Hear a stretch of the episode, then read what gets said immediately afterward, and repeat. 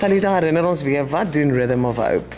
So Rhythm of Hope is 'n non-profit um organisation wat by skole vir agtergeblewe kinders uit agtergeblewe gemeenskappe dans um geleenthede gee en eintlik in hulle identiteit inbou om hulle te leer wie hulle in Christus is deur dans. So dit is wat ons by Pierre Hope begin het en ons is nou besig om in Mamelodi ook na skool toe te gaan en daartoe uit te reik. So dis wat ons doen basies.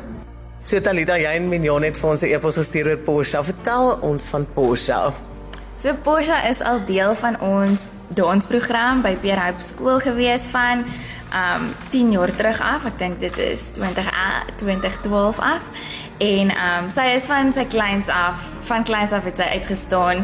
Sy het eintlik toe sy baie klein was, het sy kritiek nogals moeilik gevat, maar dit was amazing om te sien hoe sy gegroei het en eintlik regtig konstruktiewe kritiek vat en die beste daarvan maak en regtig gegroei het. Sy het um uitgeblink. Sy's in um sy 2 jaar terug het sy toe nou geaudisie hierso by 'n dansgeselskap by Pro Arte wat sy deel van was wat eintlik haar dans net na 'n volgende vlak toe gevat het.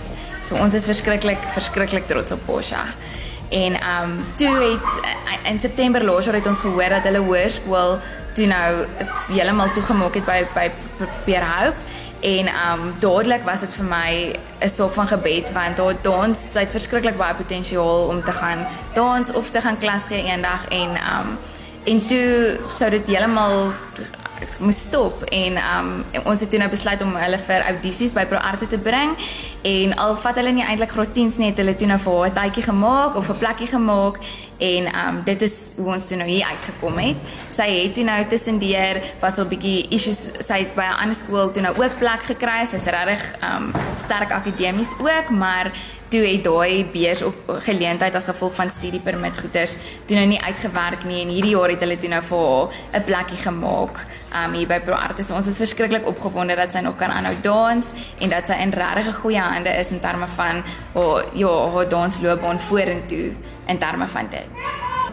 So Mr. Nigel Hanna, you are the HOD of the dance department here at Pro Arte. What did you see in Porsche?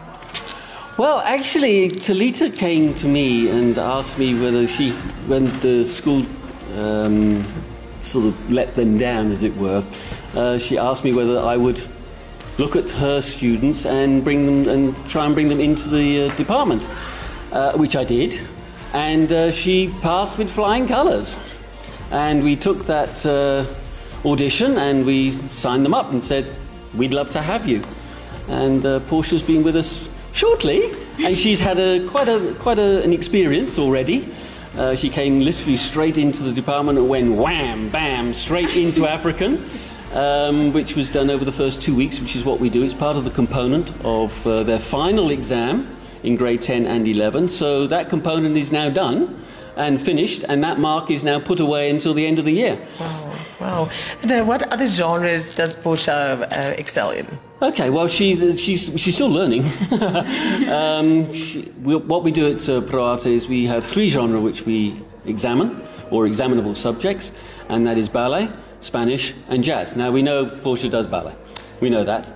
Um, Spanish is new to her, and jazz will be a link like contemporary. I'm, I'm sure she'll link into that. If the ballet's up to scratch, then the jazz is normally uh, as well should we say. And uh, with that, it gives them an all rounded education when it comes to dance. So there's not just one genre. Because in this day and age, if you're not, uh, what should we say, multi talented, your job opportunities are, are shrunk.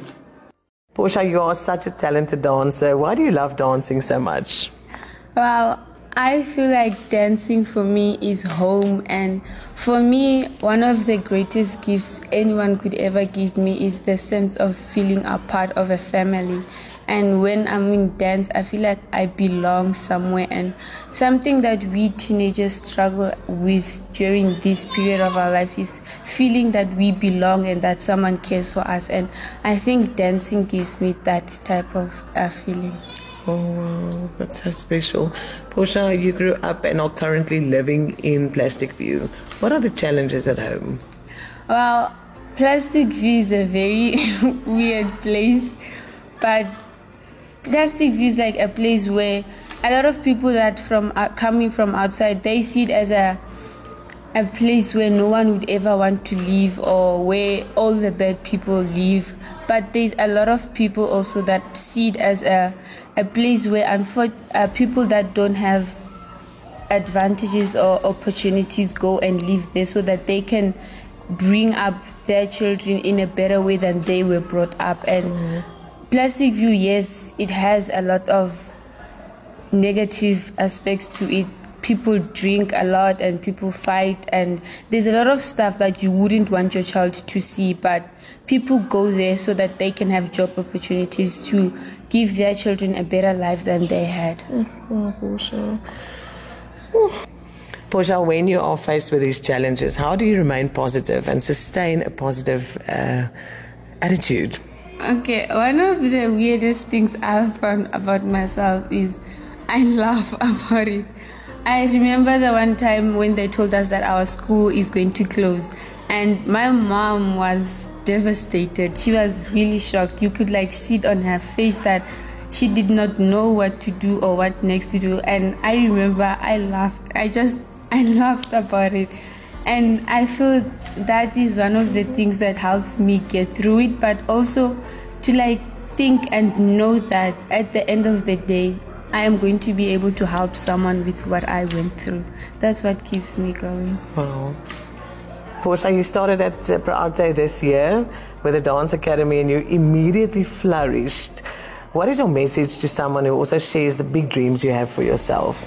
Well, I would like to tell anyone who loves dancing that you might start well, I don't want to say that you are a little bit disadvantaged to other people, but you might happen that you are put in a place where you necessarily don't feel comfortable or that you don't know how they work, but that does not put a limit to what you can do and what you can achieve.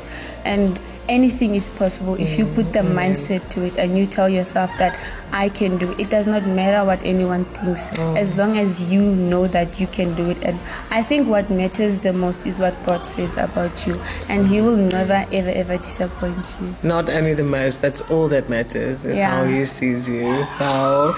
As a Portia, what is your biggest dream? Well, I have a lot.